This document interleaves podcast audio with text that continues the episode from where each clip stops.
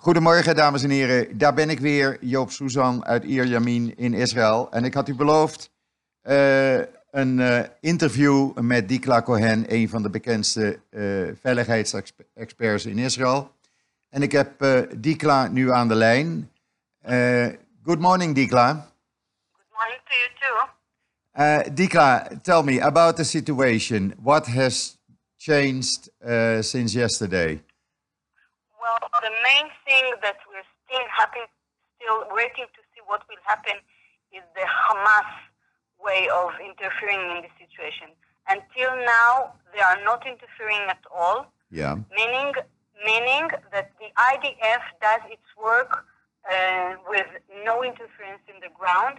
And as we can see, the Islamic Jihad in Palestine are trying uh, uh, to use all the rockets, but they are improv- improvising on the ground because they don't have a lot of uh, um, places of hide to hide anymore. Now we are attacking even individuals on motorcycles, okay. trying to launch rockets.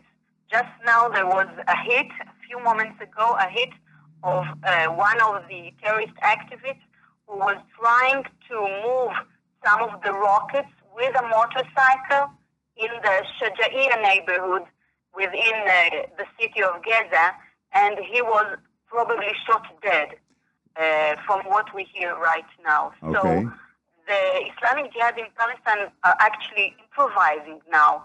They are in despair, and the, what their spokesman says is that they won't tolerate any more uh, uh, attacks from Israel. But as we see it, the Hamas does want not want to help them right now.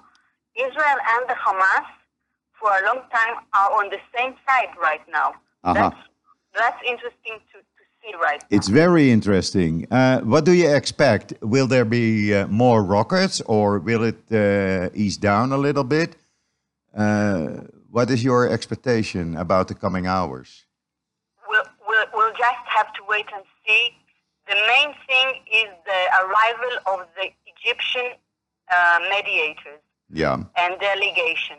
If they do appear in Gaza and in Israel, it's a good sign because it means there's indirect negotiations. Yeah. But if they do not appear and if they do not interfere, it means more and more rockets on Israel, unfortunately. And what do you think about the the threat the the threat of uh, IDF to kill the uh, Secretary General of Islamic Jihad in Damascus? Well, uh, the IDF spokesman said he does not know anything about it, meaning uh, he doesn't have any involvement with it. Of course, we can take it with uh, our cr- criticism.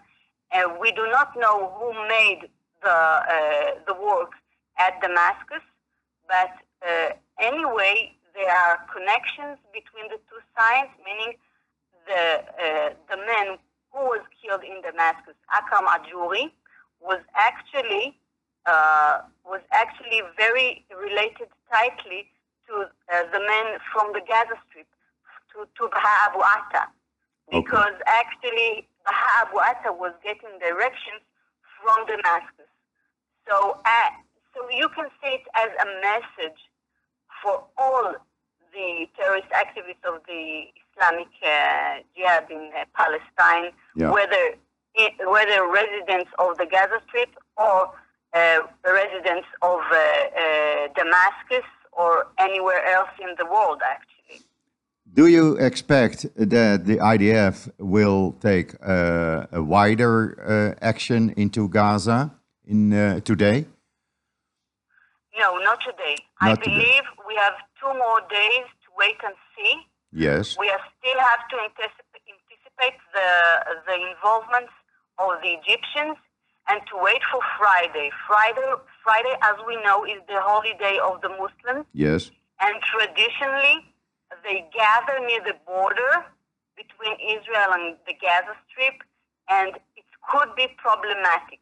So right now there are two major things we are expecting: the arrival of the Egyptian mediators Yes. and And Friday at noon, right after they finish their prayers on in the mosques of, of Gaza, uh, and see what's going on nearby the border, the Okay. Israeli-Gazan border.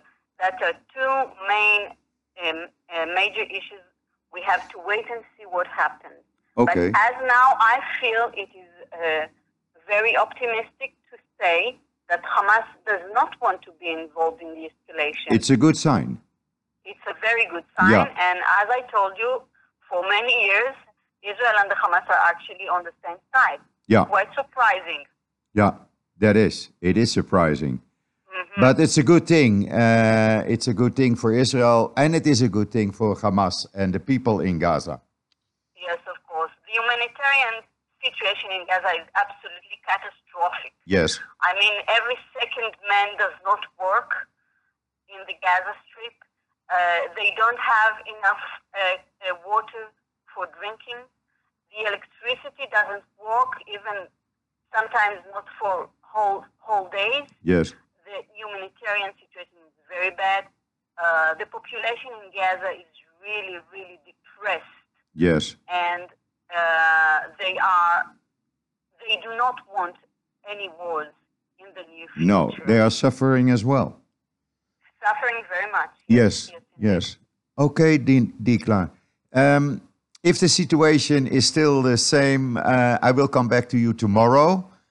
No Uh, problem. You're welcome. I will call you in advance. And for now, thank you so much for your explanation. It will go online again in a couple of minutes, so people in Holland and Belgium will know exactly what is going on here in this region. Best regards from Israel, from the Holy Land. Okay, thank you very much, Dikla. Thank you. Have a good day. You too. Bye bye bye.